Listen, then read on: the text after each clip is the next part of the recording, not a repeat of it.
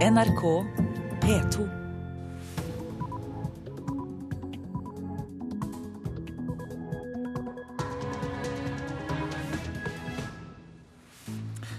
Torsdag 17. oktober klokka 6.30 er dette overskriften i Nyhetsmorgen. Budsjettkrisen i USA er over. Miljøorganisasjoner har store forhåpninger til den nye olje- og energiministeren fra Fremskrittspartiet, men Kvinnesaksforeningen savner kvinnelige statssekretærer i den nye regjeringen. Mobiltelefonen redder stadig flere liv blant verdens fattige. We have successfully evacuated almost 9 lakh people. For selv i den fattigste indiske fiskelandsbyen har folk mobiltelefoner og TV. Da alarmen gikk, nådde evakueringsbudskapet fram til så å si alle. Og vi skal høre at solspeil kan gi Rjukan sol hele året. Her i studio i dag, Øystein Heggen. I USA er budsjettkrisen over for denne gang. Både Senatet og Representantenes hus vedtok i natt, norsk tid, det midlertidige budsjettet.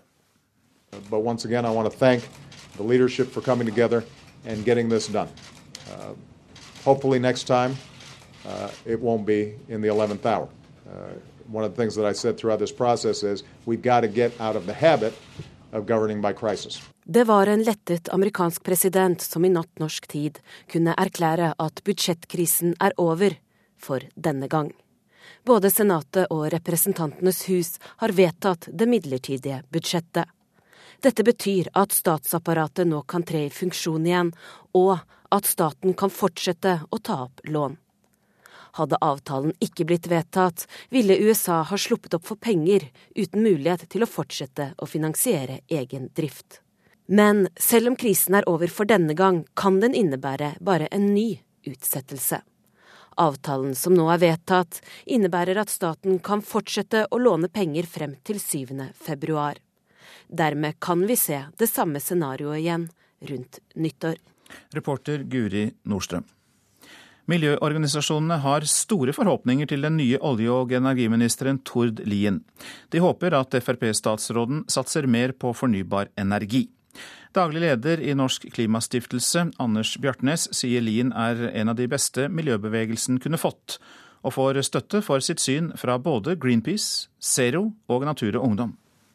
Daglig leder i Norsk Klimastiftelse, Anders Bjartnes, er fornøyd med at den tidligere kommunikasjonsdirektøren i selskapet Trønder Energi nå har inntatt statsrådsstolen som ny olje- og energiminister.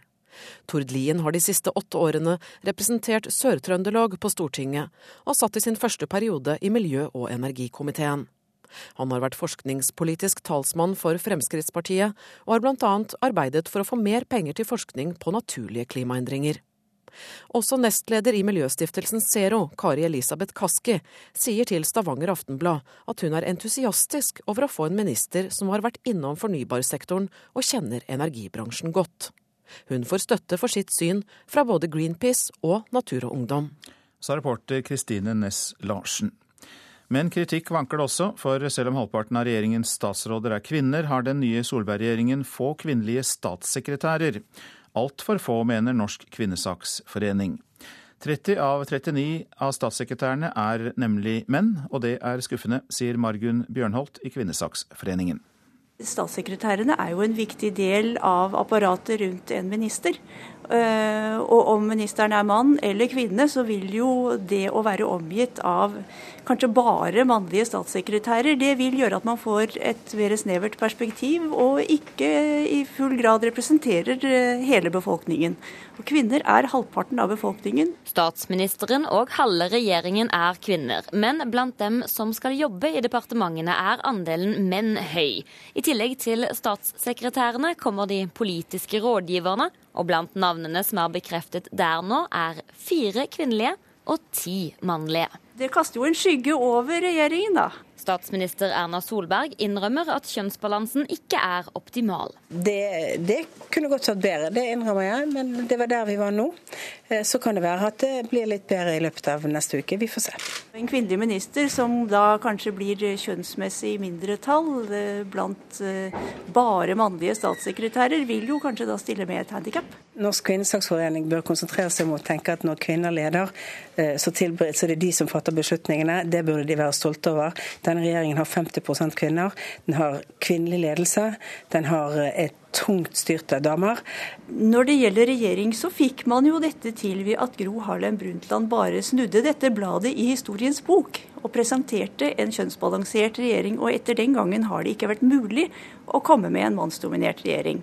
Eh, man kunne tenke seg at man kunne gjøre det samme når det gjelder andre viktige posisjoner. Første prioritet er kompetanse, svarer Solberg. Jeg har vært opptatt av at man skal lete etter kvinner. Så er det litt, eh, litt ulikt på de ulike områdene. Vi ser f.eks. at på helse er det mange kvinnelige statssekretærer. og på Eh, på andre områder så er det ikke så mange. Det har også å gjøre med litt med hvor kompetansen i Norge Vi har et kjønnsdelt arbeidsmarked, og da slår det seg litt ut mellom like ulike departement. Reporter her, det var Elise Heisel Asbjørnsen. Ny teknologi, ikke minst mobiltelefonen, gir nye muligheter for humanitære organisasjoner og myndigheter. Det viser en rapport fra Røde Kors. Under syklonen på Indias østkyst sist helg reddet aktiv bruk av mobiltelefon og TV tusenvis av menneskeliv.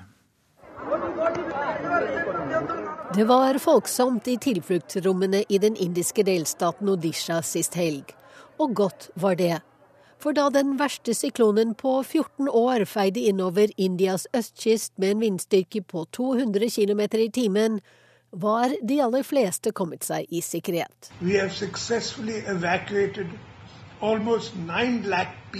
Dette var en av de største operasjonene i landet. Vi har evakuert nesten 900 000 mennesker og minimalisert tap av menneskeliv under denne syklonen, sa delstatens sjefminister Navin Patnaik.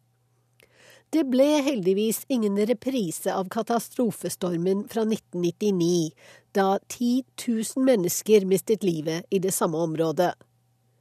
De oppdaterte tallene etter syklonen sist helg viste at det var nesten én million mennesker som ble flyttet vekk fra de farligste områdene, og at i overkant av 20 døde. Katastrofeberedskapen på kysten er langt bedre i dag enn den var for 14 år siden, og det skal den teknologiske utviklingen ha en stor del av æren for. For selv i den fattigste indiske fiskelandsbyen har folk mobiltelefoner og TV. Da alarmen gikk, nådde evakueringsbudskapet fram til så å si alle. Og selv om de materielle skadene etter syklonen Pahilin er store, så kunne nesten alle de evakuerte komme tilbake til landsbyene sine med livet i behold. Reporter Wenche Eriksen. Da ønsker vi velkommen til to her i studio. Sven Mollekleiv, president i Røde Kors, og helse- og nødhjelpskoordinator samme sted, Tonje Tingberg. God morgen. Jeg går først til deg, Tonje Tindberg, for du eh, har jo erfaring med bruk av teknologi i Sierra Leone og Haiti. og Hvordan blir den tatt i bruk, eller ble tatt i bruk i forbindelse med kolerautbruddet i Sierra Leone? Under, um, under nødhjelpsoperasjoner hvor det være seg kolera eller være seg flom eller jordskjelv, så er det de frivillige på, i det lokale samfunnet som gjør førstehjelp uh, og forebygging av, uh, av uh, ytterligere skade. I, eh, når de gjør de aktivitetene det de gjør, så registrerer de allerede hva som skjer på disse førstehjelpspostene. Eh, Dvs. Si at de registrerer hvem som bruker de, eh, og hvem som blir sendt videre, eventuelt videre hjelp. Den, det kan bli sendt via SMS. altså Den frivillige sender en SMS til, til en database eh, som genererer en automatisk rapport. og Ved det så får vi en indikasjon hva som skjer i de lokale samfunnene i virkelig tid, istedenfor eh, kanskje en uke etter at skaden har skjedd. Så det er altså kommet lenger enn det at de sender en SMS til en annen person som noterer det og skriver det ned. Det er sånn at det går direkte inn i en database og blir eh, en del av den eh, basisinformasjonen dere har liggende der? Ja, det er riktig. Eh, det blir en informasjon både som vi kan bruke til å hurtigere respondere. Eh, det blir også en informasjon vi kan dele med andre aktører, sånn at vi kan få hjelpen frem raskere. Sven Mollekleiv, du er jo president i eh, Røde Kors. og Hva ser du for deg framover ved bruk av mer moderne teknologi for å redde menneskeliv? Ja, fordi denne rapporten viser at mangel på informasjon dreper og eh, god informasjon eh, redder liv, slik vi her hørte eh, fra India. Det betyr at vi må ta i bruk den teknologien vi rent faktisk har, mer effektivt. Og vi må også sørge for at enda flere får tidlig informasjon for å forebygge. Vi kan altså både gi varsling, som i tilfelle flom og orkaner. Men vi kan også, når vi ser utbrudd av kolera, eller vi ser informasjon knyttet til malaria, eller annen type viktig informasjon, kan vi både hente den inn, sørge for at vi får faktisk informasjon som er avgjørende for å respondere riktig, og vi eh, kan eh, sørge for da også å gi beskjed ut til folk. Og det unike eh, er jo å bruke nettopp de frivillige som et nettverk til å kunne respondere, fordi de er til stede med og blant folk. Men er ikke også dette et naturlig resultat av den teknologiske utviklingen? At det hadde kommet uansett, eller mener du at det er resultat også av en bevisst satsing?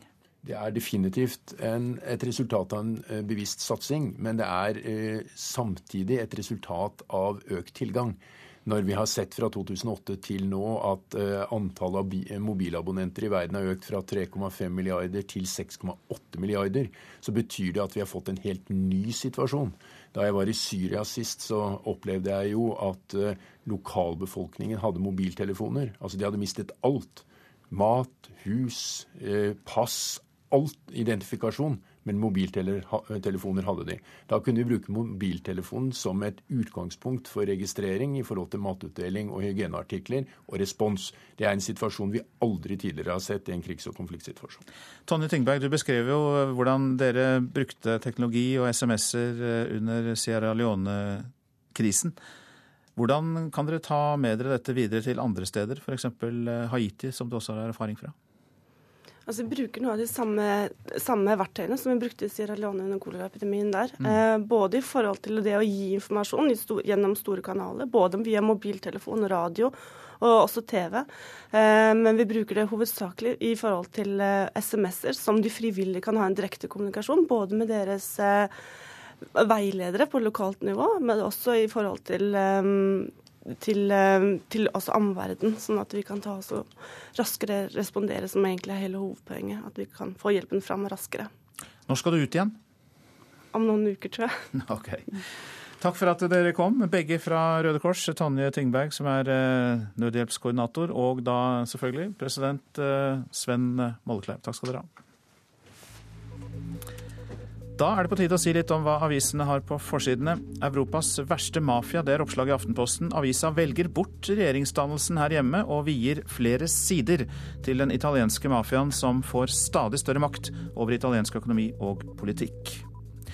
Attraktive sjøtomter i Bergen kan få både boliger, hoteller, park og nytt akvarium. Og museum. Bergens Tidende ofrer forsiden til et havneområde i sentrum som kan bli Bergens svar på Aker Brygge i Oslo. Tilgrising av pulten, fjerning av dokumenter, sabotering av undervisningen og brudd på taushetsplikten. Nordlys skriver om lærere ved en skole i Tromsø som eh, mobbet en av sine kolleger. Skolen og ledelsen i Tromsø kommune får nå hard kritikk av Arbeidstilsynet. Nå styres vi fra vest, lyder den begeistrede overskriften i Bergensavisen. Oslo har kun én statsråd i den nye regjeringen, nemlig Siv Jensen, mot hele sju fra Vestlandet. Etterlyser flere statsråder fra Oslo, ja det skriver Dagsavisen. Kvoteringen har gått for langt, sier Høyre-venn og investor Jens Ultveit Moe. Ikke siden 1905 har Verdal hatt en statsråd, men så kom FrPs Robert Eriksson. Adresseavisen forteller om 15-åringen som kjørte ulovlig på moped for å høre på Carl I. Hagen. Nå er han minister med politieskorte. Lurt med på bordell, solgte smuglerrøyk, dyrket alternativ medisin og opplevde fødedrama. VG forteller om de nye statsrådenes ukjente fortid. Alle skjønner at ting tar tid, sier finansminister Siv Jensen til Dagbladet. Frp-lederen forteller hvordan hun skal takle presset som statsråd. Høyres levende kalkulator og god for 80 millioner kroner. Dagens Næringsliv omtaler Jon Gunnar Pedersen, som går fra meglerhuset Arctic Securities til en nøkkelrolle som statssekretær for Siv Jensen. Nå må de snakke med innestemme, skriver Klassekampen. Frp-populisten er utenfor regjeringen, fikk bare bli statssekretærer. Miljøtiende vil tape mot eksoskameratene, det skriver Vårt Land. Avisas kommentator mener Høyres nye miljøvernminister lett kan bli overkjørt av Frp. Møtes med overraskelse og spenning, skriver Nasjonen om landbruksminister Sylvi Listhaug. Nei, øh, om landbruksminister Sylvi Listhaug, ja. Vi går i dialog med åpent sinn, sier Bondelagets leder Nils T. Bjørke om Frp-ministre. Det er eh, sjelden vi har fotballnyheter fra Stillehavsøyene, men i dag så kan vi fortelle at eh, øystaten Tahiti endrer reglene for poenger i fotball. Nå skal også det tapende laget få poeng. Veldig, veldig rart, syns NRKs fotballkommentator Arne Skeie. Ja, når det gjelder poeng, så er det det rareste. For det, jeg kan ikke se noen annen grunn til at man gjør dette, enn at man skal tekkes det dårligste laget, eller de dårligste lagene på Tahiti. Arne Skeie humrer godt når han får høre om Tahitis nyvinning. For i stedet for det vanlige systemet der seier gir tre poeng, uavgjort ett poeng og tap null poeng, vil man nå gi fire poeng for seier, to poeng for uavgjort og ett poeng for tap. Skeies første tanke At de på Tahiti syns eh, synd på det dårligste laget. Tahiti har tydeligvis tenkt på det svakeste laget. Det er jo i noen land klubber som aldri får poeng, men på Tahiti så vil jo uansett det dårligste laget få poeng. Og eh, når vi ser på systemet på Tahiti med 4-2-1 som poeng, så er det jo det samme forholdet som vi har, med 3-1-0 som poeng. Det gjenstår å se om resten av fotballverden følger i Tahitis fotspor. Sannsynligheten er liten. Ja ja, men det sa reporter Patrick Steen Rolands. Dette er Nyhetsmorgen. Klokka den går mot 6.47. Vi har disse hovedsakene. Budsjettkrisen i USA er over. Både Representantenes hus og Senatet har vedtatt en budsjettavtale. Miljøorganisasjoner har store forhåpninger til den nye olje- og energiministeren fra Fremskrittspartiet. Fra vaktbikkje til maktens korridorer. Mer om Knut Olav Åmås straks, kulturredaktøren som ble statssekretær.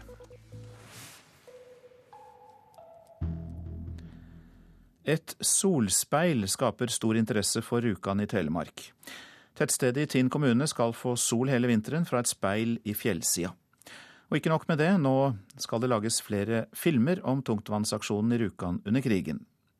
Jan Køhn, som har bodd på Rjukan i 82 år, reagerer slik på all viraken.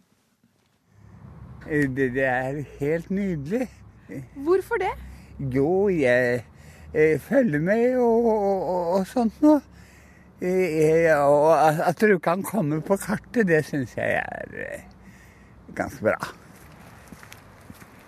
Ja, nå var hun veldig mørke, da. Men eh, solspeilet står der oppe. Eh, nesten oppe i toppen på fjellsida. Eh, og vi kaster sola ned på torvet. Eh, Ca. 800 kvadrat på torvet med, med sol. Steinar Bergsland, Høyre-ordfører i Tinn. Hvordan er det å være Tinn-ordfører for tida? Det er veldig moro. Det, det, jo, ja, det, skjer noe hele tida. Når vi er utafor dalen, så er jo det første vi blir spurt om åssen går det med solspeilet. Eh, er dere i rute og får det til å virke? Og det ser vi jo. Vi har jo hatt eh, medier, utenlandske medier, over 200 utenlandske medier som har skrevet om det.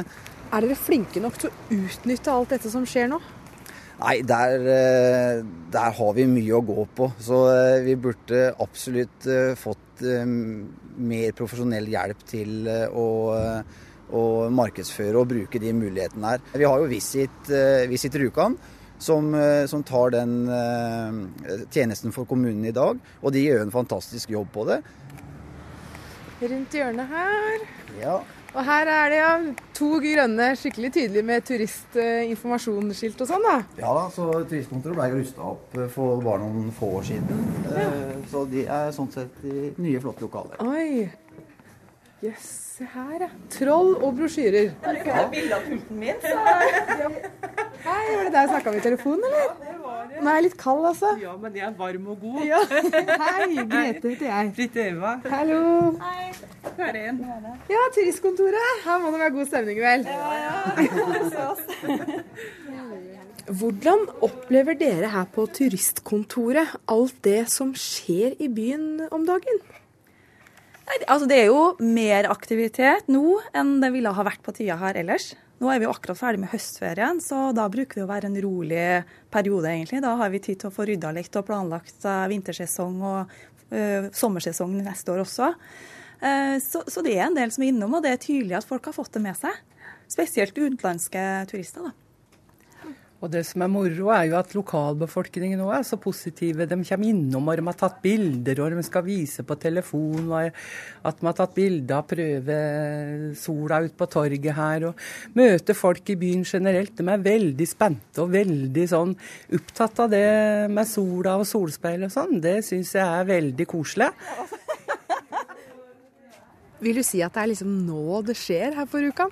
Ja, det er eh, det, er, det, er det er nå det skjer. fordi det har, det har vært jobba med, og vedtakene har jo sånn sett kommet i, i, perioder før eh, vi eh, kom inn her. Så jeg vil også berømme tidligere både kommunestyrer og ordførere som har vært med å, å ta en tøff satsing. Men så er det nok ikke ja, litt kanskje tilfeldig at alt blir ferdig nå og er i gang. Hva syns du om eh, det nye solspeilet, da? Eh, jeg er, jeg syns ikke så fælt mye om det. Men litt spennende er det jo. Hvorfor eh, er du litt skeptisk? Jeg, jeg, jeg, som jeg har sagt, så jeg bor der i 82 år, eller 83 år. Og ja, jeg gleder meg godt uten solspeilet. Ja, det mente Jan Køhn. Han snakket med reporter Grete Ingebjørg Berge. Hvordan er det å gå fra å være vaktbikkje til maktens korridorer? Knut Olav eh, Åmås sluttet som kulturredaktør i Aftenposten for å bli kulturminister Toril Vidveis statssekretær. Doktor i presseetikk Paul Bjerke mener at det kan være et tegn på at man får et mindre klart skille mellom politikk og journalistikk. Så er det jo klart at han her kommer i en, eh, i en litt pussig dobbeltrolle, hvor han eh, på den ene siden da gir, i, i og for seg gir råd til seg selv. Doktor i presseetikk Paul Bjerke sitter og leser Knut Olav Åmås' kulturkommentar i Aftenposten, som ble trykket to dager før Åmås ble statssekretær for kulturminister Toril Vidvei hvor eh, han skriver jo her om hva han mener at den nye regjeringa må ta fatt i, hvordan den bør endre kulturpolitikken som den eh, rød-grønne regjeringen har ført. Bjerke mener at Åmås sin overgang fra redaktør i Aftenposten til statssekretær kan være tegnet på at skillet mellom journalistikk og politikk løser seg opp igjen, etter partipressen forsvant på starten av 90-tallet. Aviser har veldig tydelig markert at de ikke har noen tett kontakt med partiene. Og dette kan være det første tegnet på at denne utviklingen er, har snudd, og vi går tilbake i retning av en mer eh, politisk partiorientert presse. Debattredaktør i NRK, Kyri Nakim, er enig i at Åmås sin overgang representerer noe nytt. Jo, det er nytt i den form at Åmås nå går inn og blir statssekretær for hele kulturfeltet. Han er ikke en rådgiver innenfor informasjonsarbeid, han er ikke rådgiver innenfor spesielle områder, men han går inn som statssekretær, og da er også statsrådens stedfortreder. Eh, og eh, det har vi ikke sett så mye til av journalistikk tidligere. Du har sett at eh, enkeltpersoner, som f.eks. Hans Christian Amundsen, tidligere Nordlys-redaktør, gikk inn og ble presserådgiver for Jens Stoltenberg. Men da jobbet han med media, og ikke med, med, med hele området. Bjerke tror dette kan være en tendens, fordi man nå ser endringer andre steder i verden, bl.a. i USA. Fox News, som er en erklært republikansk kanal, den er ikke bare den største nyhetskanalen, men den er også den nyhetskanalen eh, på TV da, som har eh, størst troverdighet. Aamodt selv tror ikke overgangen fra journalistikk til politikk blir noe problem. Det tror jeg ikke er noe stort problem. Og Det som er det prinsipielt viktige, er å skille mellom disse rollene. Altså ha én av gangen. Det er to helt forskjellige roller vi snakker om her, og jeg har vært veldig bevisst på, på å skille de hittil. Ja, nyslått statssekretær Knut Olav Åmås til eh, vår reporter Christian Ingebretsen. Nå om å få ungdom til å gå i teater. Til det trengs mer enn politikk og pedagogikk, mener flere teatervitere. I går startet en internasjonal scenekunstfestival i Kristiansand, og i år rettes det spesielt fokus mot ungdom. Går du mye på teater? Nei. Eh, nei. Nei. Eh, nei. Nei. Vi spiller håndball. Jeg treffer faktisk ingen ungdommer på vei inn til danseforestillinga Fear Infection, som pleier å gå i teater frivillig. Jeg er ikke så interessert i det. Fordi jeg har ikke tid. Liker ikke teater så mye. Eh, det er vel det at det er litt dyrt når det gjelder billetter og sånn, og så har du ganske mye lekser på skolen og ganske mye med skolen å gjøre.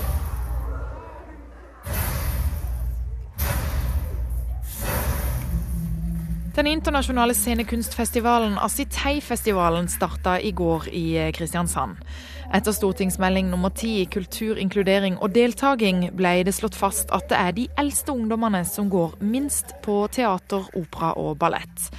Nå har derfor festivalen spissa målgruppa si til å gjelde primært ungdommer, nettopp for å få flere tenåringer inn i teatersalene, sier daglig leder Gry Ulfeng. For får vi de inn som brukere og som um, publikum som har fått sterke uh, opplevelser i form av uh, identifikasjon, um, at vi øker kritisk bevissthet, at de får gode, morsomme opplevelser sammen. Da har vi også skapt fremtidas publikum. Ulfeng mener lite har blitt gjort siden 60-tallet for å få flere ungdommer på teatrene. At alle tiltakene man har satt inn i den uh, kulturpolitikken vi har hatt, så har det ikke endret så mye brukermønstre.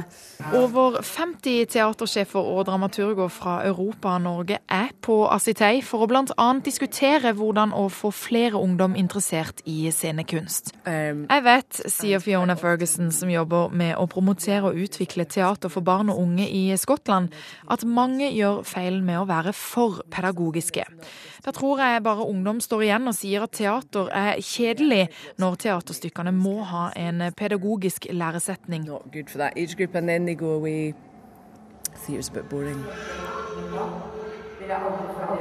Men kjedelig var det siste publikum sa om denne Asitei-forestillinga. Eh, de var veldig flinke.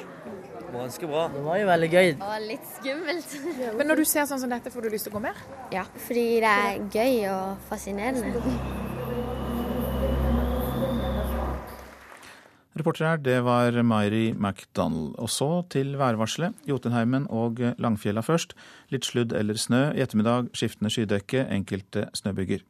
Rondane, fjellstrøkene Dovrefjell, svenskegrensen, fjellstrøkene Trollheimen, Strynefjellet. Skiftende skydekke, enkelte snøbyger. Østlandet får litt regn i dag. Sludd eller snø i høyden nord for Lillehammer og lokal tåke. Telemark mulighet for regn også der av og til. Lokal tåke først på dagen.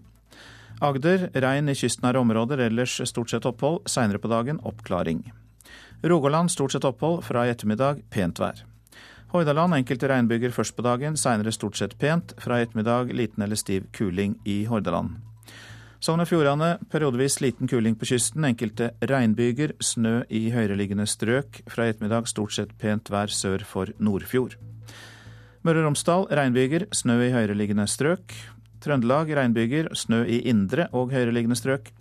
Helgeland og Saltfjellet litt regn i indre høyereliggende strøk, sludd eller snø. Salten får lettskyet oppholdsvær. Ofoten, Lofoten og Vesterålen skiftende skydekke, enkelte snøbyger, vesentlig langs kysten. Troms enkelte snøbyger i ytre strøk, ellers delvis skyet oppholdsvær. Fra i ettermiddag økende byggeaktivitet.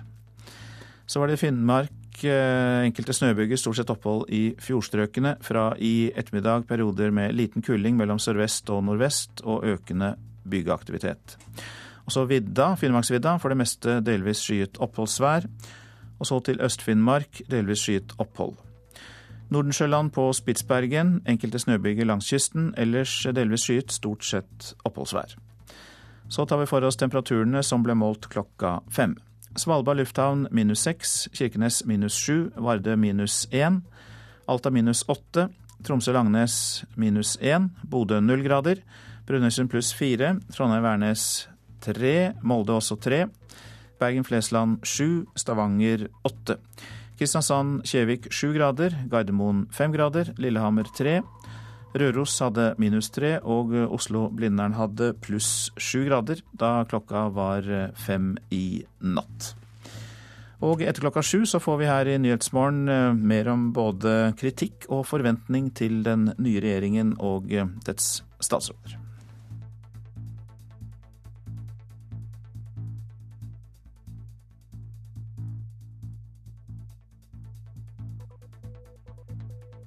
NRK P2. Svært få kvinner anmelder drosjesjåfører som trakasserer dem seksuelt. Og statsministeren skulle helst sett flere kvinner i regjeringsapparatet. De fleste statssekretærene er menn. Her er NRK Dagsnytt klokken sju. Nesten ingen anmelder sjåfører som trakasserer dem seksuelt i taxi.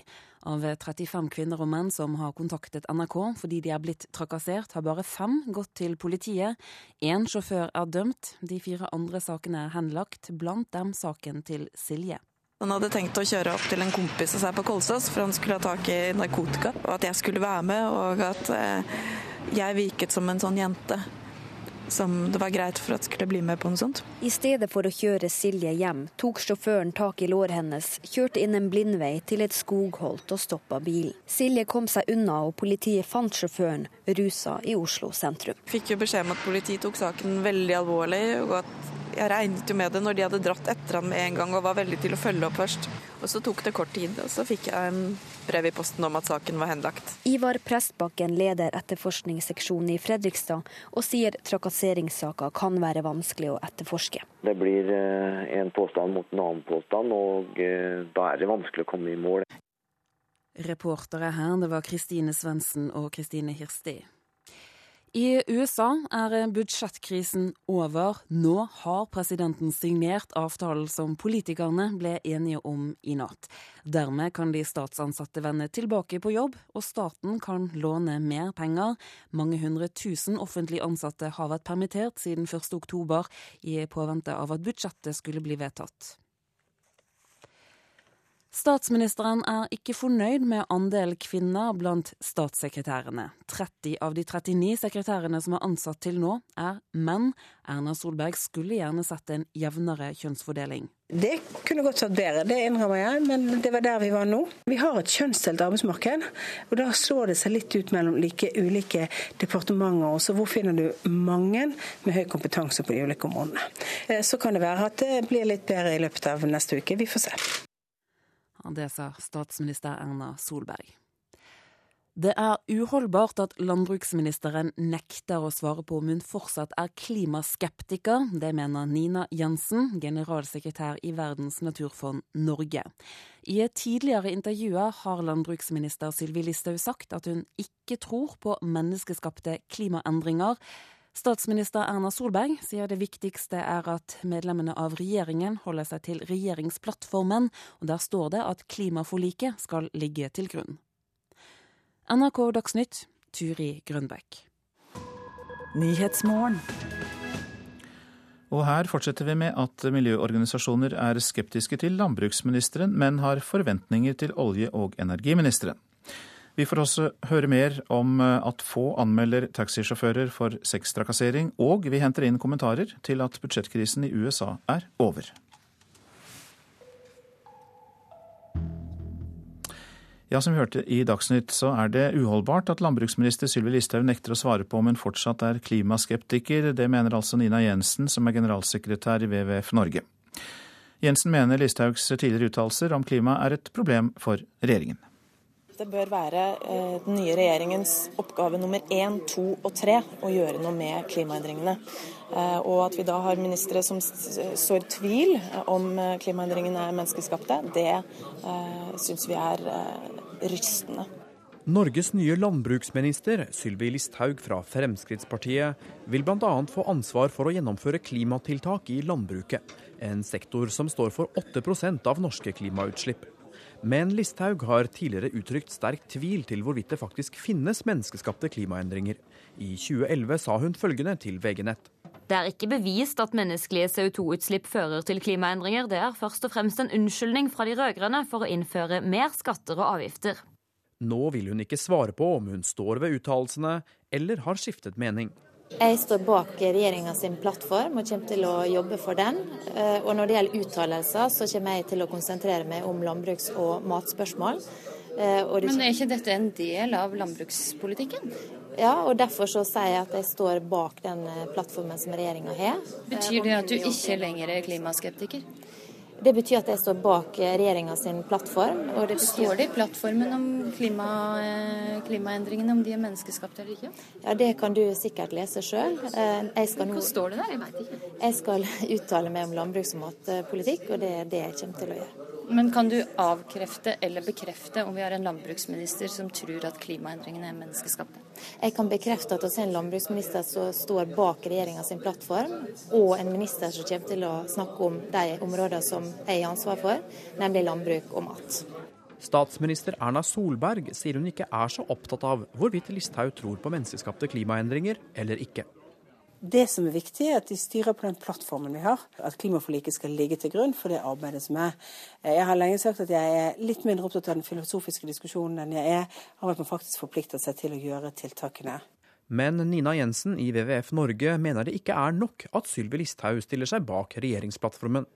Altså, vi kan ikke ha en regjering hvor det er ministre som er klimaskeptikere. Så jeg vil oppfordre Sylvi Listhaug snarest til å gå ut og avkrefte dette, og, og, ikke minst hvilke tiltak som hun som landbruksminister vil innføre eh, for å kjempe mot klimaendringene. Reporterne som bidro her, var Halvard Norum, Tom Ingebrigtsen og eh, Astrid Randen. Kjetil Bragli Alstaheim, god morgen til deg. God morgen. Du er kommentator i Dagens Næringsliv, har skrevet mye om miljøspørsmål. Men det er én ting jeg la merke til når jeg hørte dette her. Sjelden har jeg vel hørt ordet plattform bli brukt oftere. Ja, hun, hun, eh, hun står, står, støtt på plattformen. Eh, og det, jeg skjønner at hun svarer på den måten, eh, men jeg tror ikke hun kommer unna med det så veldig lenge. Hun sier jo at, at hun skal uttale seg om landbruks- og matpolitikk. Men det er klart klimaproblemet vil dukke opp på flere områder. For det første, i, når det gjelder norsk landbrukspolitikk, hva betyr klimaendringene for muligheter og, og problemer for uh, landbruket her hjemme? Og når hun reiser ut og møter kolleger ute, eller deltar på møter i FNs uh, matvareorganisasjon, så vil hun oppleve at klima er et av de spørsmålene som står høyest på dagsorden. Og da må hun stå på plattformen, som jo da innebærer at man eh, regjerer etter klimakompromisset? Ja, eh, det må hun. Men, men, eh, spørsmålet her, så lenge det er uavklart hva hun faktisk mener om det problemet, mm. Eh, er jo hvilken rolle vil hun ta i regjeringen? Ifølge plattformen skal klimaforliket forsterkes. Men dette blir jo en diskusjon internt i regjeringen om hva som skal prioriteres. Og så lenge hun har Hvis det er sånn at hun mener at dette ikke er noe problem, så er det jo lite som tyder på at hun kommer til å være en en kraft for å, å dytte dette i mer ambisiøs retning. Hva mener du statsråder bør gjøre i slike situasjoner, hvor de faktisk da kommer i ganske klar konflikt med det de tidligere har uttalt, og det de skal regjere etter? Eh, jeg tror vel ærlighet eh, varer lengst, også her. Eh, men det hun bør gjøre, er å sette seg ned og, sette seg bedre inn i, i hva som ligger der av klimaforskning. Eh, man stiller gjerne spørsmål om tror du på menneskeskapte klimaendringer, men dette er jo ikke et trosspørsmål. Det er spørsmål om man legger det beste som er av internasjonal forskning til grunn. Og dette er jo en regjering som sier at den skal satse mer på forskning. Og spørsmålet blir har regjeringen da en statsråd som ikke legger det beste av kunnskap til grunn, men som heller baserer seg på konspirasjonsteorier hun finner på internett. Du blir med oss litt til. Vi har nemlig også informasjoner i dag fra avisene bl.a. om at miljøorganisasjoner har store forhåpninger til den nye olje- og energiministeren, Tord Lien, at han vil satse mer på fornybar energi. Nestleder i miljøstiftelsen Zero Norge, Kari Elisabeth Kaski, sier hun er entusiastisk over å få en minister som har vært eh, innom fornybarsektoren og kjenner energibransjen. Og hun får da støtte fra Greenpeace, Natur og Ungdom og Norsk Klimastiftelse i dette synet. Tord Lien eh, har jo en eh, fot i fornybarbransjen, så vi får jo inn en i eh, Olje- og energidepartementet nå som også ser hele energibildet og ser behovet og viktigheten av fornybar energi. Han har jo jobba inntil helt nylig i Trønder Energi. Nestleder i Miljøstiftelsen Zero Norge, Kari Elisabeth Kaski, ser fram til å få en olje- og energiminister med bakgrunn fra energifeltet. Hun mener dette kanskje er den viktigste statsrådsposten for miljøet, og har i likhet med flere miljøorganisasjoner langt større forhåpninger til Lien enn hans forgjenger Ola Borten Moe fra Senterpartiet. Nå hadde vi jo gjennom Ola Borten Moe en, en sterk talsperson for olje- og gassbransjen i det departementet, samtidig som eh, han uh, selvfølgelig fikk gjennom utbygging av mer fornybar energi, så var det olje- og gassbransjen han i størst grad vektla.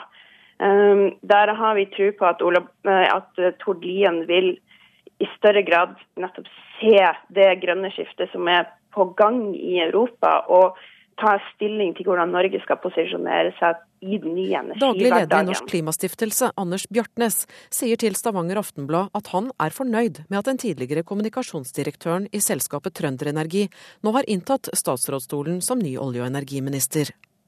Tord Lien har de siste åtte årene representert Sør-Trøndelag på Stortinget, og satt i sin første periode i miljø- og energikomiteen. Han har vært forskningspolitisk talsmann for Fremskrittspartiet, og har bl.a. arbeidet for å få mer penger til forskning på naturlige klimaendringer. Naturvernforbundets leder Lars Haltbrekken er derimot noe mer avmålt i sin reaksjon på utnevnelsen av den nye statsråden. Hovedproblemet her er det som står i eh, regjeringsplattformen, hvor det står at vi fortsatt skal ha et høyt olje- og gassutvinningstempo. Vi skal ikke bedømme han ut ifra uh, at han nå har vært eh, statsråd i én uh, dag. Men uh, igjen så er det den sterke vektlegginga av oljeindustrien og fortsatt vekst i oljeindustrien som er hovedutfordringa her. Reporter her, det var Kristine Næss Larsen og Henrik Agledal. Ja, Kjetil Bragli Astaheim fra Dagens Næringsliv, du er fortsatt med oss. Her var det jo litt andre toner fra miljøbevegelsen vis-à-vis -vis Tord Lien? Det var det helt klart. Og Eh, det blir interessant å følge. Det vil jo være et uh, stort nederlag for Senterpartiet om, om, Fremskrittspartiet skaper større begeistring i, i, miljøbevegelsen enn det Senterpartiet og Ola Borten Moe klarte å gjøre. Men det er klart Borten Moe hadde en veldig en tone overfor miljøbevegelsen som var ganske konfronterende. Så det, dette handler ganske mye om innpakning også. For det er klart olje og gass kommer til å være hovedsaken for en olje- og energiminister også fremover. Men eh, det er interessant om Tord Lien da greier å, å, løfte opp eh, fornybar på en litt annen måte enn det Ola Borten Moe har klart. Men det er jo en ganske ja, underholdende dag på en måte, hvor miljøbevegelsen går til angrep på Sylvi Listhaug fra Frp, og eh, ja, er ganske optimistisk når det gjelder Tord Lien fra Frp. Ja, vi så jo i, på Aktuelt her i NRK i går kveld at de to også taklet spørsmålet om, om klima på helt ulik, uh, ulikt vis der eh, Sylvi Listhaug eh, bare sto på plattformen, som, som vi snakket om i sted. Og, og Tord Lien eh, svarte bekreftende ja, at han mener at det er menneskeskapte klimaendringer vi står overfor. Hjertelig takk skal du ha, Kjetil Bragli Astadheim, for at du kom til Nyhetsmorgen. Så får vi heller lese dine kommentarer utover dette. Det håper jeg virkelig. takk skal du ha.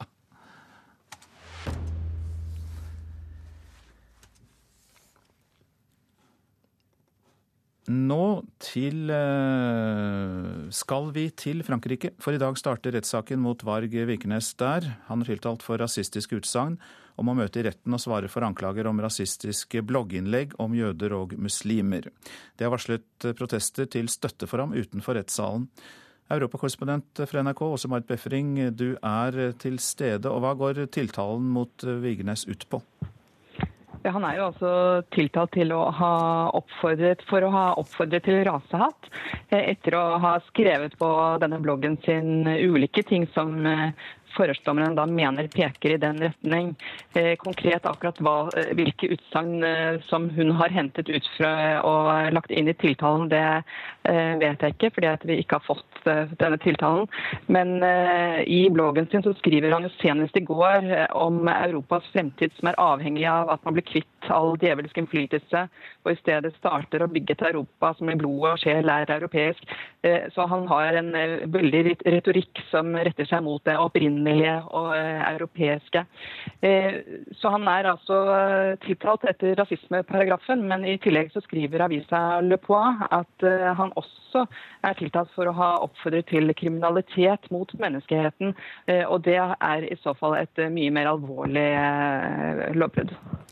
Hvor stor oppmerksomhet får saken i Paris der du er, og sånn sett i Frankrike for øvrig?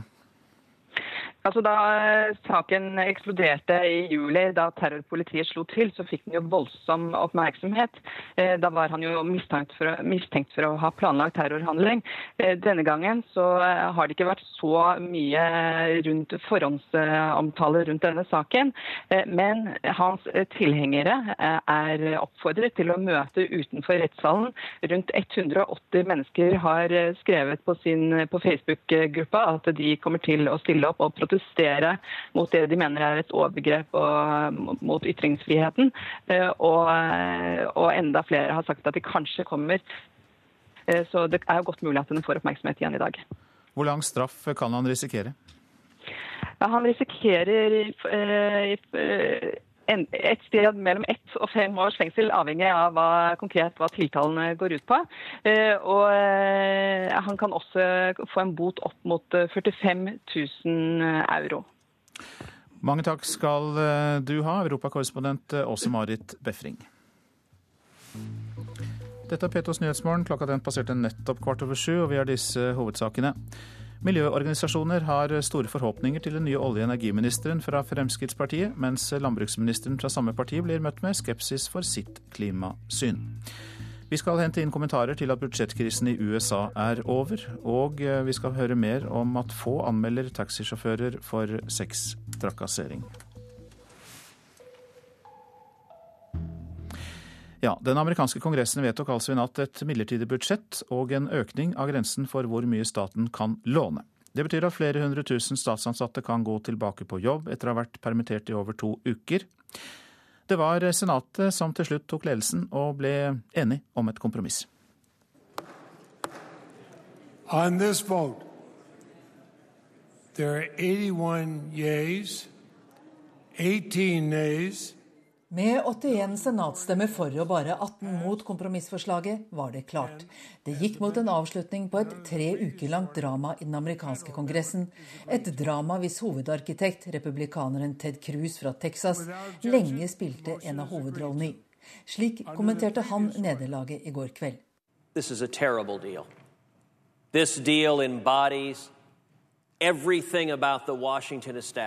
dette er en forferdelig avtale. Den er legemliggjøringen av alt det ved establishmentet i Washington som frustrerer det amerikanske folket. Avtalen sparker bare ballen lenger ned i gata, sa kongressmedlem Ted Cruz, som ser kampen mot den allerede vedtatte helseforsikringsloven som et ideologisk oppgjør med en type statlig velferdstankegang han mener er fremmed for den amerikanske nasjonen. I går led han et knusende nederlag, også i sitt eget kammer, Representantenes hus, der hele 87 republikanere stemte for kompromisset. Ingenting er rokket ved loven som på folkemunne bare heter Obamacare. Formannen i Representantenes hus, John Boehner, måtte til slutt innse at denne runden var tapt. We fought the good fight. We just didn't win. Presidentens strategi har vært å avvise ethvert forslag til kompromiss om helsereformen i disse tre ukene. I går var han tilfreds. Uh, Obama takket lederne for begge partiene, og administrasjonen har bedt de rundt 350 000 som fortsatt er permitterte, om å gjøre seg klare til å gå på jobb i dag. Dermed er denne krisen over. Men kongressmedlem Cruz har delvis rett i at ballen er sparket lenger ned i gata, for staten har fått penger til driften bare fram til 15.1, og innen 13.12 skal en komité med representanter for begge partier ha lagt fram et forslag til hovedlinjer når det gjelder statens skatteinntekter og offentlig forbruk for det neste tiåret.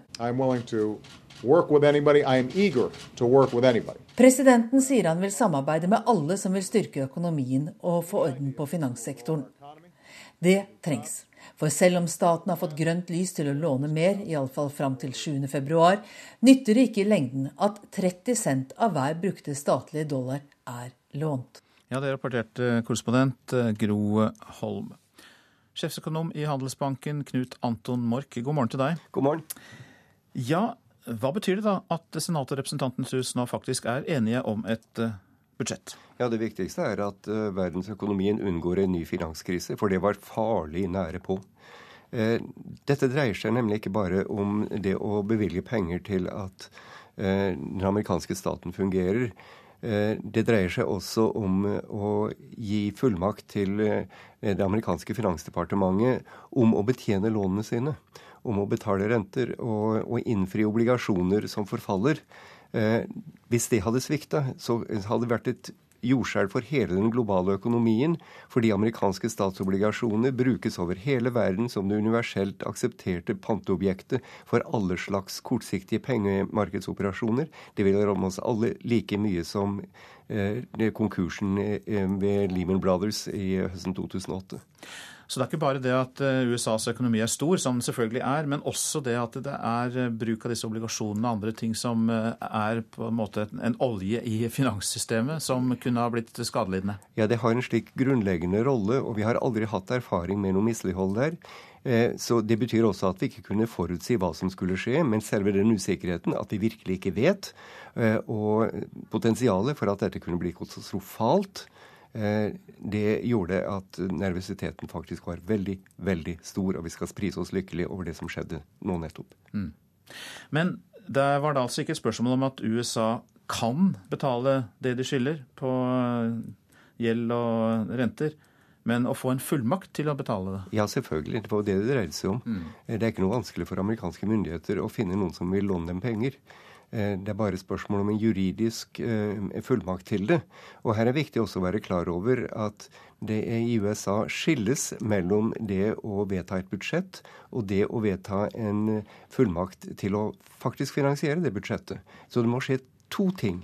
Det er, det er aldeles ikke sånn at dette gjeldstaket er det som skal til for at staten skal slutte å bruke penger. Pengene var bevilga, de. Mm. Så det var denne godkjenningen som måtte til, og den kom altså. Men så hørte vi innslaget fra Gro Holm her at eh, det skal eh, diskuteres på nytt eh, spørsmål om budsjett 15.1. Hva er det som kan skje da? da? Vi har en risiko igjen for at dette kan gjenta seg nå rett etter nyttår. At vi kan få en ny stengning av offentlige kontorer, at vi kan nå gjeldstaket igjen. Men det som ser ut til å likevel ha skjedd, det er at helseforsikringsordninga har blitt tatt av bordet som eh, et gissel. Eh, som de ekstreme, den ekstreme fløyen av det republikanske partiet har brukt. De innser nå at de har tapt.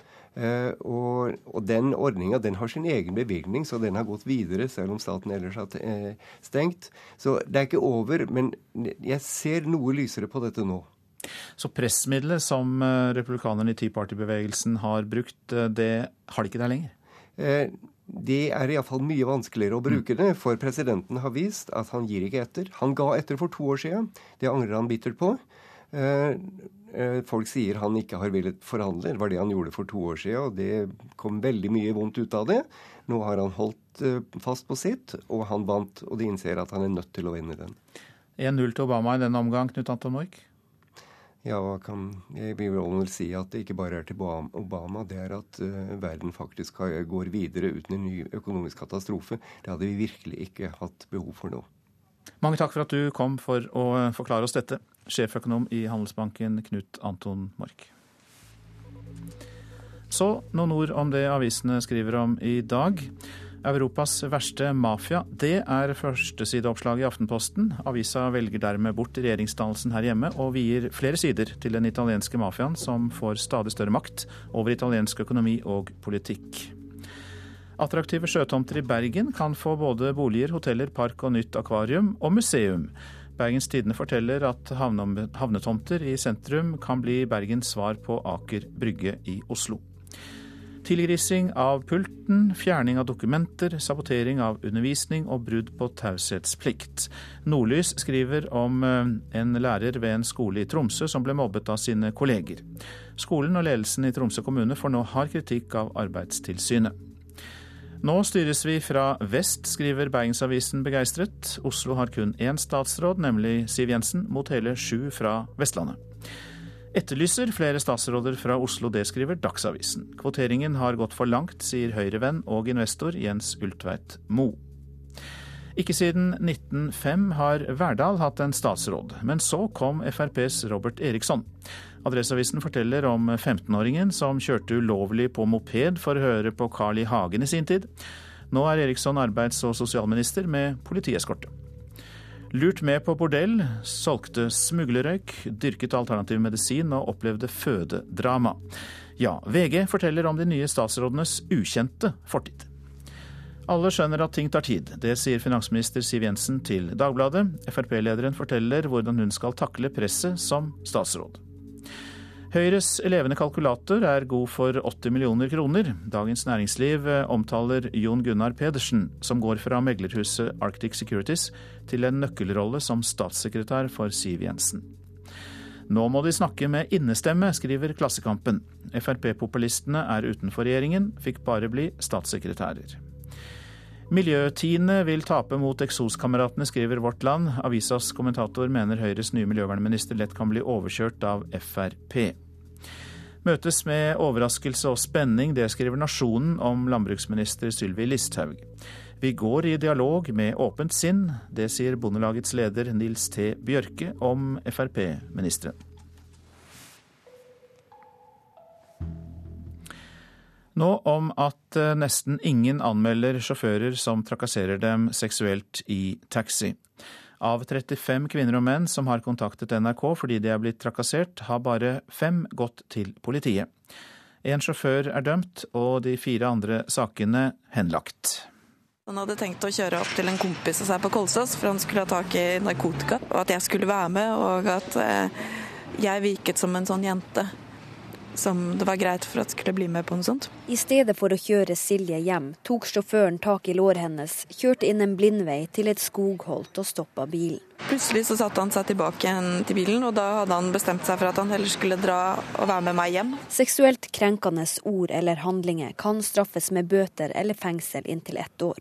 Men svært få anmelder taxitrakassering til politiet, viser en gjennomgang NRK har gjort. Karianne Lid, som leder avsnittet for seksualforbrytelser ved Oslo politidistrikt, tror mørketallene er store. Vi ser nok at en del av årsaken til dette kan være at i de mindre alvorlige, sånn juridisk sett, forholdene, så ser nok kanskje ikke fornærmede dette som alvorlig nok. Kanskje de er redd for ikke å bli trodd. Eller det kan være at de er kjørt hjem, brukt eh, bankkort, og er redd for at de kan få represalier ved en anmeldelse. Politiet har ikke en oversikt over hvor mange anmeldelser som blir henlagt. Av de fem kvinnene NRK har kontakta som har anmeldt saken, ble fire henlagt. Silje sin sak inkludert. Jeg tok med en madrass og låste meg inn på, liksom, på, badet, for der hadde jeg jo låst i døren. Og lå og sov der. Eh, men jeg fikk jo beskjed om at politiet tok saken veldig alvorlig, og at jeg regnet jo med det når de hadde dratt etter han med en gang og var veldig til å følge opp først. Og så tok det kort tid, og så fikk jeg en brev i posten om at saken var henlagt. Ivar Prestbakken leder etterforskningsseksjonen i Fredrikstad, og sier trakasseringssaker kan være vanskelig å etterforske. I utgangspunktet, eh, uten at det er noen vitner til hendelsen, altså hvor det er da den vanlige at det er kun to stykker til, til stede i drosjen, og den ene oppfatter at den andre da driver med noen ting som han ikke ønsker, og anmelder det, så er det klart at det blir lett da, uten at man har noen vitner eller tekniske spor, at eh, det blir eh, en påstand mot en annen påstand, og eh, da er det vanskelig å komme i mål. Fra politiets side så mener vi at det er svært viktig at alle som blir utsatt for seksuell trakassering, handling, forsøk på grovere forbrytelser, anmelder sier Lid i Oslo-politiet. Det kan være at den enkelte sak at man ikke når fram, og den blir henlagt. Men jeg tror at det er svært få taxisjåfører som går over streken og begår sånne handlinger. Og derfor så vil, hvis det er flere som blir utsatt for samme person, så vil sakene gjensidig forsterke hverandre. Man kan ta opp henlagte saker, og man får da dømt denne gjerningsmannen. Silje håper fokuset på taxitrakasseringa fører til at flere anmelder, og at politiet klarer å få flere dømt. Jeg tror det er lett at jenter og kvinner nå tenker at ja, men det får man bare ta, fordi det er sånn det er. Og jeg tror dessverre det er riktig at det er eh, Så lenge det ikke blir gjort noe mer med det, så er det ting som Tar du taxi og er jente, så kommer det til å skje. Reportere her Kristine Svendsen og eh, Kristine Hirsti. Vi tar med at Frankrikes øverste ankedomstol opprettholder en dom for bedrageri og en bot på nærmere fem millioner kroner mot scientologikirken. Den omstridte organisasjonen ble dømt for å ha utnyttet sårbare tilhengere for å tjene penger på 1990-tallet. Domstolen avviste organisasjonens krav om at dommen fra 2009 måtte oppheves fordi den angivelig krenket religionsfriheten. Frankrike betrakter scientologikirken som en sekt og ikke en religion. Ja, du lytter til P2s eh, Nyhetsmorgen. Blant gjestene i Politisk kvarter er barne-, likestillings- og inkluderingsminister Solveig Horne og Astrid Nøkleby Heiberg, som er tidligere statsråd, men som nå er statssekretær i Helsedepartementet. Politisk kvarter er utvidet og starter straks etter Dagsnytt. Prosent for Nyhetsmorgen, Tonje Grimstad. Her i studio, Øystein Heggen. Og vi minner igjen om eh, websiden radio.nrk.no. Test ut den.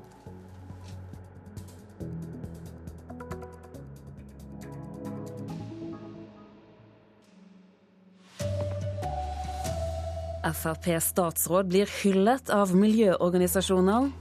Nesten ingen anmelder sjåfører som trakasserer dem seksuelt i taxi.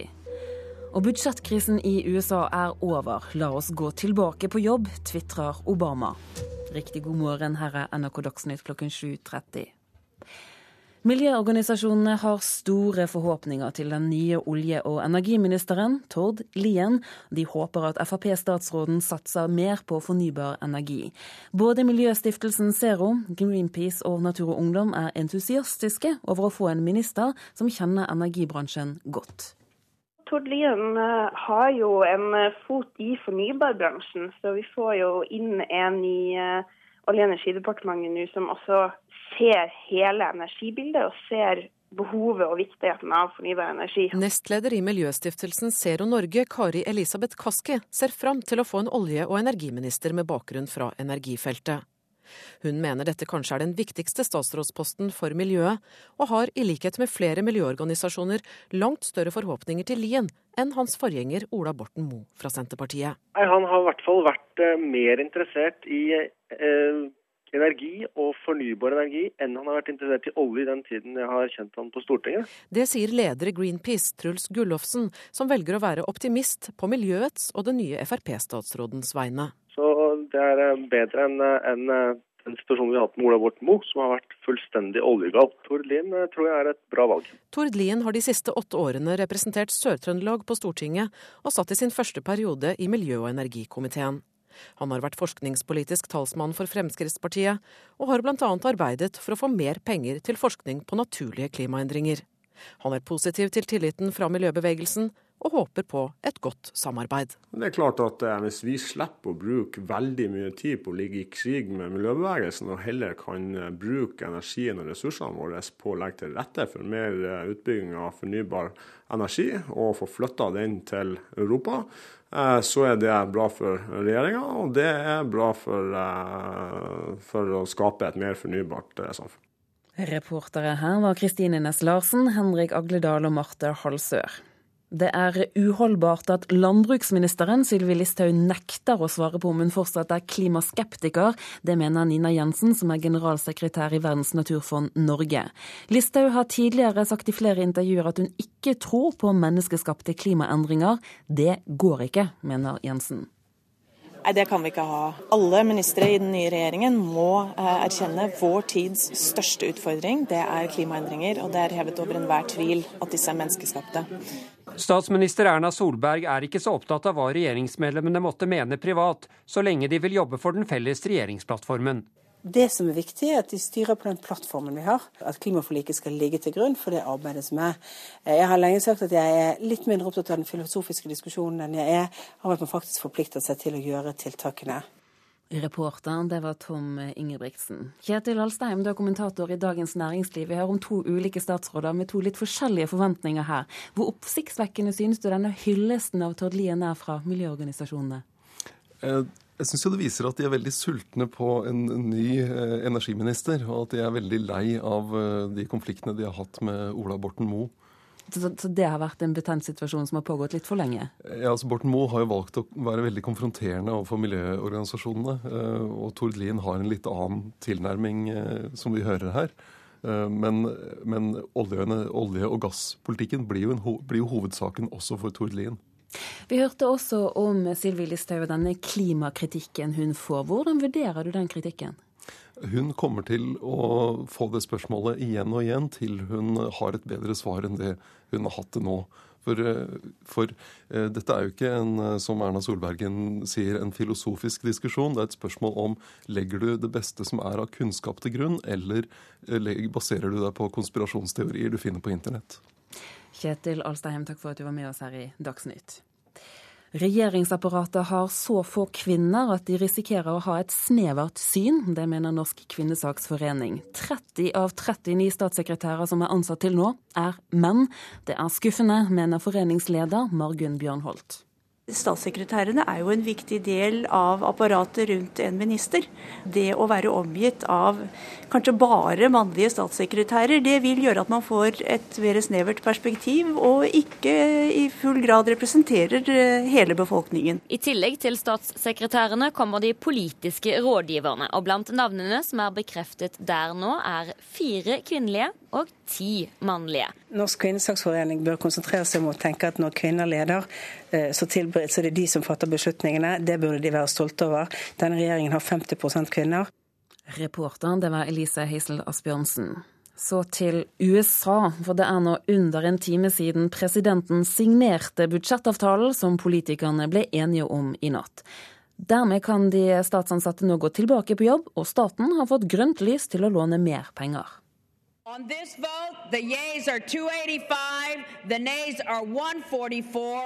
Med 285 stemmer for og 144 mot i Representantenes hus var det klart at 87 republikanere hadde stemt for budsjettkompromisset som ble vedtatt noen timer tidligere i Senatet. Ingen av kravene til kutt i den vedtatte helseforsikringsreformen, på folkemunne Obamacare, er med i avtalen. Nederlaget var nær totalt for flertallsformann John Boehner i huset. We fought the good fight.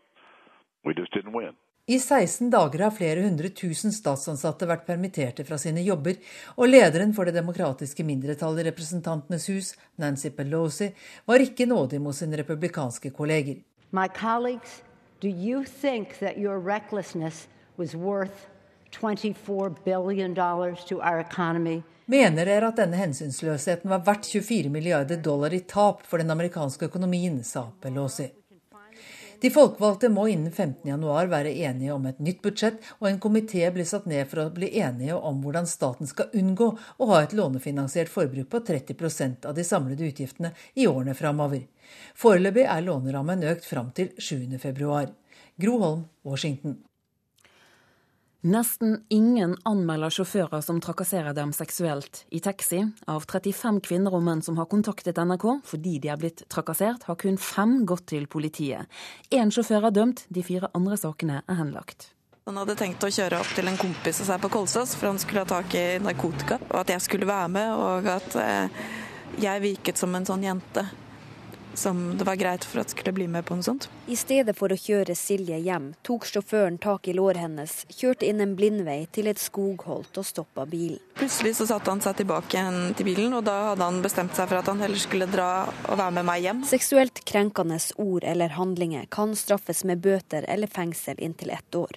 Men svært få anmelder taxitrakassering til politiet, viser en gjennomgang NRK har gjort. Karianne Lid, som leder avsnittet for seksualforbrytelser ved Oslo politidistrikt, tror mørketallene er store. I de mindre alvorlige, sånn juridisk sett, forholdene, så ser nok kanskje ikke fornærmede dette som alvorlig nok. Kanskje de er redd for ikke å bli trodd. Silje kom seg unna, og politiet fant sjåføren rusa i Oslo sentrum. Fikk jo beskjed om at politiet tok saken veldig alvorlig, og at jeg regnet jo med det når de hadde dratt etter han med en gang og var veldig til å følge opp først. Og så tok det kort tid, og så fikk jeg en brev i posten om at saken var henlagt. Ivar Prestbakken leder etterforskningsseksjonen i Fredrikstad, og sier trakasseringssaker kan være vanskelig å etterforske. Det blir eh, en påstand mot en annen påstand, og eh, da er det vanskelig å komme i mål. En av de store bevismessige utfordringene i alle seksualforbrytelser er jo at det er sjelden vitner. Det er ofte påstand mot påstand, som vi sier. Det i seg selv betyr ikke at man ikke må anmelde, og det betyr ikke at man ikke er trodd. Det er svært viktig at man anmelder sånne overgrep, slik at politiet får etterforska. Reporteren var Kristine Svendsen og Kristine Hirsti. Fjorårets seriemester i toppserien, Lillestrøm SK Kvinner, har hatt en tøff tid. På halvannen uke har de tapt både cup og seriegull. I tillegg er de ute av Mesterligaen. Nå ønsker klubben å redusere antall lag i toppserien. LSK kvinner tapte mot Stabæk i semifinalen i cupen. Og et sensasjonelt hjemmetap mot Amazon når seriegullet gikk fløyten. Det har vært en tøff uke for Mari Knutsen og lagvenninnene.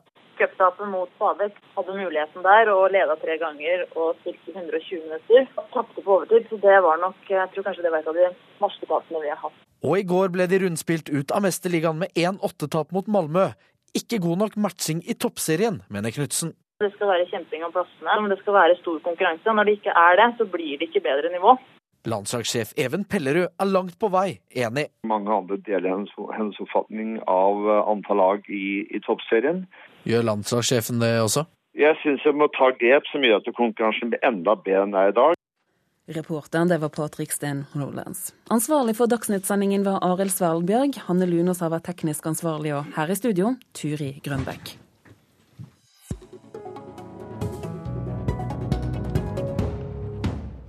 Ytterparti bytt ut med ytterparti i barnepolitikken. Sentrumspartia vil syne fram egen politikk før de hjelper regjeringa med statsbudsjettet. Og så får vi vikking av en engasjert politisk veteran. Dette er Politisk kvarter. I går var det ett departement der styringa ble bytt ut mellom ytterpartia i Stortinget. Fremskrittspartiet og Solveig Horne tok over Barne-, likestillings- og inkluderingsdepartementet fra SV. Her kan det kanskje være mye sprik, men på ett punkt høres det ut til å ha vært felles engasjement, barnevern. Og statsråd Solveig Horne, velkommen i studio. Takk. Hvor nøyd er du med den barnevernssatsinga SV har lagt etter seg i departementet ditt? Altså, de siste årene så har den rød-grønne regjeringen satsa på det kommunale barnevernet. Og det er mange ting som eh, både Fremskrittspartiet, Høyre og de borgerlige partiene har vært enige med regjeringen om. Eh, det er noen ting som, og en litt annen vinkling i forhold til å styrke det kommunale barnevernet enda mer og gi de litt mer makt. Og det òg å bruke mer institusjoner og private gode institusjoner til fordel til sånn at vi òg har en miks, ikke bare fosterfamilier. Mm. Stortingsrepresentant for SV Snorre Valen, hvor nøyd er du med denne attesta fra etterfølgeren deres på dette punktet? Først vil jeg gratulere Horne med å ha blitt eh, statsråd. Jeg syns det er hyggelig at også Frp ser den kjempesatsinga vi har gjort på det kommunale barnevernet. Og med det statsbudsjettet vi legger fram nå, så har Audun Lysbakken og Inga Marte Thorkildsen sørga for at vi eh, når 1000 nye stillinger i det kommunale barnevernet. Og jeg er veldig spent på om den øremerkinga av nye stillinger kommer til å fortsette med Frp i regjering, som egentlig er mot å bruke sånne virkemidler. Og så er jeg også veldig spent på det Horne sier. altså Kommer Frp til å innføre anbud anbud i, i barnevernet og sette flere barn ut på anbud. Ja, kan du svare meg en gang, Horne. Ja, Det skal vi komme tilbake til, selvfølgelig. Men alle barn er forskjellige. Noen passer ikke inn i fosterfamilier, og noen trenger en institusjon. Og Derfor er det viktig at um, denne regjeringen nå ser, uh, ser barna og ser at det er forskjellige behov. Og Da trenger vi alle gode krefter. Da trenger vi fosterhjem, og vi trenger også gode institusjoner. Og Om de er private eller offentlige, det viktigste her er at barna får den hjelpa de trenger. Da fikk du straks svar, Snorre Valen. ja, det er jo det er godt å høre. Jeg har ikke fått helt svar på spørsmålet om anbud ennå, men én ting Inga Marte Thorkildsen fikk veldig mye skryt for av FO, som organiserer de ansatte i barnevernet, det var lytta mye til fagfolkene, og det håper jeg også at Solveig Horne gjør. Solveig Horne, du skal også stelle med likestilling i alle, alle former. Hvor nøyd er du med likestillingssituasjonen mellom kjønn og legninger og ulike grupper i samfunnet? For uh, denne regjeringen så er altså likestilling veldig viktig, og det kommer helt klart fram i den politiske plattformen som er lagt fram. Så har kanskje denne regjeringen en litt annen eh, snakk om likestilling på en litt annen måte enn den, den andre regjeringen som var. Og da er det viktig at vi på en måte ser likestilling og likeverd, uh, og ser også på alle grupper i samfunnet, og, får en likestilling som, som ikke bare er en, en, et, et, fint ord, men at det virkelig viser handling òg bak hva vi skal gjøre på likestilling. I går var det rabalder om et gammelt spørsmål ja. fra deg eh, om i hva grad det bør snakkes om homofili i barnehagen. Vi må våge debatten, sa du i går. Hva mener du med det? Nei, altså Da var det en Twitter-melding for tre år siden, og jeg har lyst til å bare slå helt klart fast jeg har ingenting imot homofili, eh, og at jeg skal være en statsråd for alle, altså uansett legning du har. og Det, det er veldig viktig å få fram. Så var det en debatt som raste for tre år siden i forhold til hvor tidlig du skulle begynne å snakke om seksualitet i barnehagen. Og jeg personlig mener det at det må være en ting mellom barnehagen og spesielt foreldrene, hvor tid de på en måte vil introdusere det. Men det, ut ifra å gå lenger enn det og si at du på en måte er homofob og andre ting, det blir å dra debatten mm. altfor langt. Ja, Snorre Valen, hvorfor er dette en sak å gå i fistel på, slik du synes du har gjort? For det første så er jo homofili mer enn seksualitet. Det er å snakke om kjærlighet, og en like naturlig form for kjærlighet som eh, at heterofile er glad i hverandre. Men jeg, jeg, jeg syns ja, jeg, er egentlig ikke så overraska. Jeg syns det er litt rart at mange reagerer så kraftig. For helt siden Carl I. Hagen sa at det ikke er noe å feire å være homofil, så har jo Frp stått på feil side i de viktige kampene for homofiles rettigheter. Partnerskapsloven, ekteskapsloven, eh, retten til å adoptere barn. Ehm, og, og den nye statsråden Horne har jo for kort tid siden sagt at hun mener det er diskriminering diskriminering i seg selv å ha støtteordninger for organisasjoner for homofile og lesbiske og bifile og transpersoner. Så det her er jo FrPs politikk. Det er dette man får når Frp tar over Likestillingsdepartementet, og det bekymrer meg. Ja, det bekymrer deg ikke bare, du hisser deg opp. Ja, det gjør jeg fordi, fordi, eh, jeg er veldig spent på hvordan Fremskrittspartiet skal løse oppgaven å være eh, likestillingsminister og likestillingsparti for hele landet, når du vil legge ned Likestillingsombudet og svekke mange av de institusjonene og ordningene vi har for å sørge for at homofile og lesbiske ikke blir diskriminert. Snorre Valen er såpass erfaren eh, politiker at han vet det at denne regjeringen har en plattform som vi skal styre etter, og der er det ingenting som sier at de homofile og lesbiske skal bli diskriminert. Snarere tvert tvert imot. Alle er like, og de skal få en rett og behandling. Jeg skal være statsråd for alle. Og så har jeg lyst til å oppfordre Snorre Valen til å lese kanskje Fremskrittspartiets partiprogram. For der står det helt klart at vi er imot enhver form for diskriminering basert på rase, religion og kjønn. Så Fremskrittspartiet har òg endra en del av den der synspunktene sine på akkurat dette feltet. Men jeg gleder meg altså til å ta fatt på og jobbe med likestilling og diskriminering. Og det, er, skal, det skal vi, i hvert fall jeg forsikre om, at vi skal ivareta alle gruppene i samfunnet, så de får det best mulig. Ja, hør det, Valen. Ja, Det gleder meg at Fremskrittspartiet slår fast det, det, helt eh, åpenbare i at ingen skal diskrimineres uavhengig av legning eller kjønn. Men det må da likevel være mulig å stille spørsmålet kommer Fremskrittspartiet i regjering til å kutte i bevilgningene til organisasjonene som organiserer homofile, og lesbiske, og bifile og transpersoner f.eks. Det er det veldig mange som lurer på.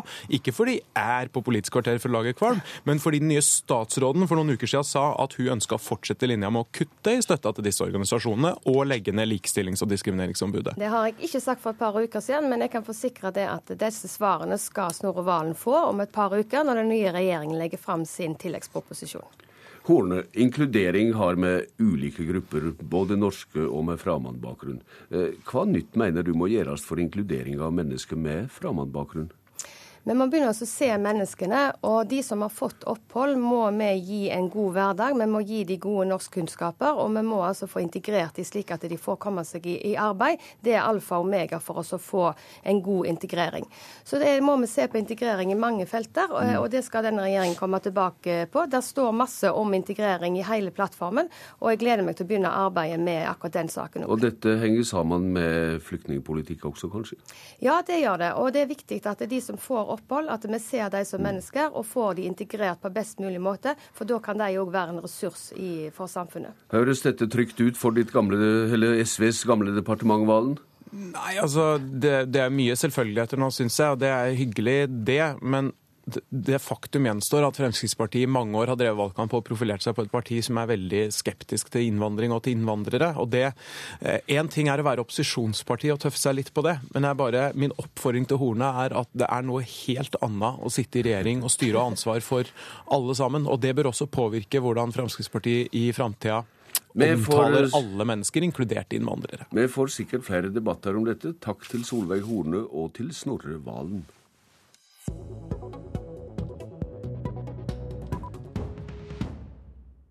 Statssekretær i Helsedepartementet Astrid Nøkleby Heiberg, velkommen. Takk for det. 77 år er inga hindring? Nei, slett ikke. Tvert om. Jeg har mer erfaring enn før. Ja, Du er lekar, professor emeritus i psykiatri, vært president i Røde Krossen og hatt tunge internasjonale verv. Hva brenner du mest for å ta fatt på i ditt nye virke, med all de rønsle? Jeg har jo vært så heldig da at det eh, ligger an til at jeg skal få lov til å holde mye på med psykisk helse. Og det er jo det største problemet vi har i samfunnet vårt når det gjelder uhelse. Både når det gjelder hvilke mennesker som rammes, hva det koster for dem, hva det koster for samfunnet i det hele tatt. Så det å få lov til å bruke nå min erfaring og krefter igjen på det som ligger mitt hjerte nærmest, og som jeg alltid egentlig holdt på med, selv om jeg holdt på med andre ting òg. Mm. I. I hva grad er Helse-Norge vannstyrt på dette feltet, slik du ser det? Nei, jeg ser det ikke sånn. Det er, eh, det er ikke noe som man vanstyrer, det er noe med hvordan folk har det. Mm. og det er ikke noe som styres utenfra, det er noe man opplever innenfra. Og eh, noe av det som er min favoritt i dette, selvfølgelig, det er at jeg tror at det er ikke så veldig, veldig sunt å være langtidspensjonist. En del syns det er hyggelig. En del har det veldig bra med det. Men en del går litt for mye på tomgang. Og det er så mye merkelig i samfunnet vårt hvor man da skal være ute av arbeidslivet selv om man kanskje egentlig hadde lyst til å være med. Og det var noe som ble innført for 50 år siden, at man skulle ha grense på 70 år f.eks. Og, eh, og nå, eh, nå, lever jo folk mye, mye lenger enn de gjorde den gangen. De ble ikke mer enn 70 år i gamle dager. Det har noe med pensjonsaldersregler og slikt å gjøre kanskje også. Men... Ja, det skal vi gjøre noe med, vet du. Mm. Ja. Hvor viktig er fritt valg av handsaming og mer bruk av private tjenester, som har vært honnørord i valgkampen for den nye regjeringa eller regjeringspartiene? Det handler om å gi tilgang til de mulighetene som finnes på behandlingssektoren. Og at ikke det skal bli fortsatt så tilfeldig som det er nå gjennom alle disse private sykeforsikringene, f.eks. som er et uttrykk for at det holder ikke, og de lange køene til ting når vi har muligheter ellers.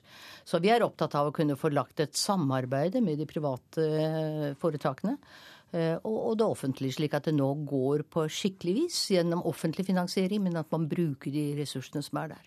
Eh, hva sier du til eh, den påstanden eller debatten som er om at det er de samme helsepersonellene som opererer både i det private og det offentlige? At en nærmest har en pott med tjenester fra leger til dømes som er rimelig fast? Er det et problem at uh, en har konkurranse om lekerne mellom det private og det offentlige? Nei, jeg ser ikke det som noe problem egentlig. Og ofte vil jeg også si at det er en stor fordel at en del av de som jobber i det offentlige, også kan jobbe i det private. Det er ofte de som har mest erfaring, er mest kyndige og kan ta en del kunnskaper med seg der. Slik at det vi var redde for opprinnelig den gangen for 30 år tilbake, da, var at vi skulle få et sånn toklassig helsesystem hvor noen var de beste og de flinkeste som tok de dyreste, men da i det offentlige, som man måtte vente på. Og så fikk de private det litt rasket som var av mulighet for helsepersonell. Mm. Du var både statssekretær og statsråd på 1980-tallet. Hvor spesielt er det å komme tilbake nå? Altså, jeg var statsråd i tre uker, da, så det gjorde ikke så veldig inntrykk akkurat. Men jeg var statssekretær i fire år, og da var bare én statssekretær. Og eh, det som er nå, er jo at det er utrolig morsomt å få lov til å bruke igjen da den erfaringen jeg har fått imens. Man lærer en del på 30 år. Mm. Den perioden du satt på Stortinget fram til 1989, var du sannelig også finanspolitiker. Hvor god ballast er det i ditt nye virke? ja, du vet, Jeg kom fra Helse- og sosialdepartementet, eller Sosialdepartementet het det den gangen. Og da visste jeg jo hvor pengene forsvant. Og da hadde jeg veldig lyst til å vite hvor de kom fra. Mm. Så da jeg kunne velge, så valgte jeg finanskomiteen, og det, det var lærerikt. Mm. På Høyres landsmøte i vår hørte vi deg i et engasjert og prinsipielt forsvar for abortlova. Er det feministen i deg, dette? Jeg håper det. Eh, fordi dette var jo den store kvinnekampen i 60-70-årene hvor man opplevde eh, at kvinnen ikke lenger hadde råderett over sin egen kropp og måtte fremstille seg for en kommisjon og oppleve at de ble ydmyket, følte veldig mange. Hvordan står likestillinga slik du ser det? Vi var så vidt innom det her i tidligere innslag. Ja, nå fikk ikke jeg hørt den, men uh, vi har kommet veldig langt når det gjelder at kvinner har muligheter for å være med i samfunnet, også i styr og stell, på en annen måte enn det man har vært før. Men vi har fortsatt et altfor altfor avdelt samfunn, altså hvor kvinner jobber og hvor menn jobber. Mm. Og om det gjenspeiler at kvinner er mest interessert i omsorg, at menn er mest interessert i finans, ja, det er jeg ikke sikker på. Eh, jeg tror vi fortsatt har ganske mye kulturelle eh, tradisjoner med oss. og om det er galt eller ikke, det er ikke så lett å si. Hva triks har du for å holde oppe et også utøvende samfunnsengasjement som gjør at du nå tar på deg å være statssekretær? Utrolig hyggelig å bli spurt, da. Mm. ikke sant? At jeg i en alder hvor alle regner med at man skal sitte og strikke, og jeg er ikke noe god til å strikke. Uh, og, og, jeg kunne i og for seg bruke tiden på alle mulige andre ting, men det å få lov til å bruke det jeg har av erfaring og krefter og engasjement, det er en gave. Ja, og uh, da er det kanskje ikke noe ni til fire-arbeid du går løs på? Nei, det er ikke det. Det inneholder jo bl.a. å stå opp såpass tidlig for å komme og snakke med deg. ja, takk for at du kom hit og snakka med meg i Politisk kvarter, Astrid Nøkleby Heiberg, og lykke til. Selv takk.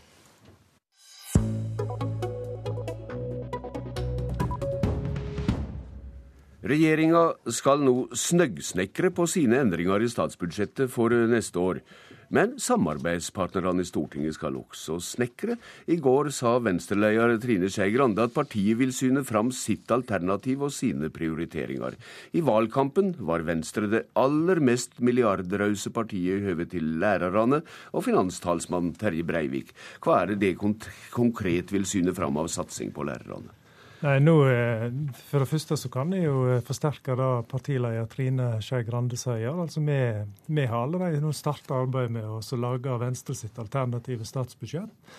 Og kommer til å gjøre det på akkurat samme måte i år som vi har gjort disse siste åtte årene i opposisjon til den rød-grønne regjeringen. Mm. Nettopp fordi det er et stort poeng som et uh, opposisjonsparti å vise fram egen politikk så blankpolert som overhodet mulig. Og da holder det fast på milliardsatsinga på lærerne? Det ja, det er klart. Eh, sant? Nå vi ser jo mer alternativ opp imot da rødgrønne sitt, de rødgrønne, altså den rød-grønne regjeringen sitt statsbudsjett, som igjen er rent for, for satsing på lærerløft, så da vil vi syne fram.